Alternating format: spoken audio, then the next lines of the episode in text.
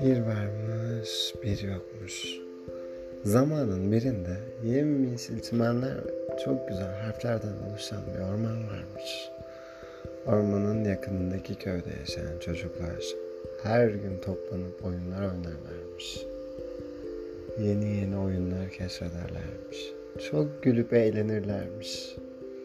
O gün de en hızlı koşan yarışması düzenlemişler. Birinci gelene papatyadan bir taç yapacaklarmış. Bütün çocuklar başlangıç çizgisinde durmuşlar. Hepsi birazdan üçe kadar saymışlar. Bir, iki, üç. Hepsi koşmaya başlamış. Bitiş çizgisi epey uzakmış. Çocuklardan bazıları çok yorulmuş. Yarışı bırakmak zorunda kalanlar bile olmuş. Bu sırada ağaçların arasında bir tavşan duruyormuş. Bu tavşan kısa kulaklı bir tavşanmış. Çocuklar hızla koşarak yanından geçmişler. Uzun kulaklı olmayan tavşan onları görünce çok heyecanlanmış. Çünkü koşmayı çok severmiş. Koşan birini görünce dayanamaz. Hemen o da koşmaya başlarmış. Tavşan elindeki havucu yere fırlatıp çocukların arkasından koşmaya başlamış. O kadar hızlı koşuyormuş ki onu gören çocuklar durmuşlar. Birbirlerine kısa kulaklı tavşanı gösteriyorlarmış. Tavşan herkesi geçip birinci olmuş. Ben kazandım. Yine ben kazandım. Bir taraftan bağırıyor bir taraftan da zıp zıp zıp zıplıyormuş. Çocuklar tavşanın yanına gelmişler. Şey ormanda dolaşıyordum oyununuza katılmak istedim demiş. Sonra da hüngür hüngür ağlamaya başlamış.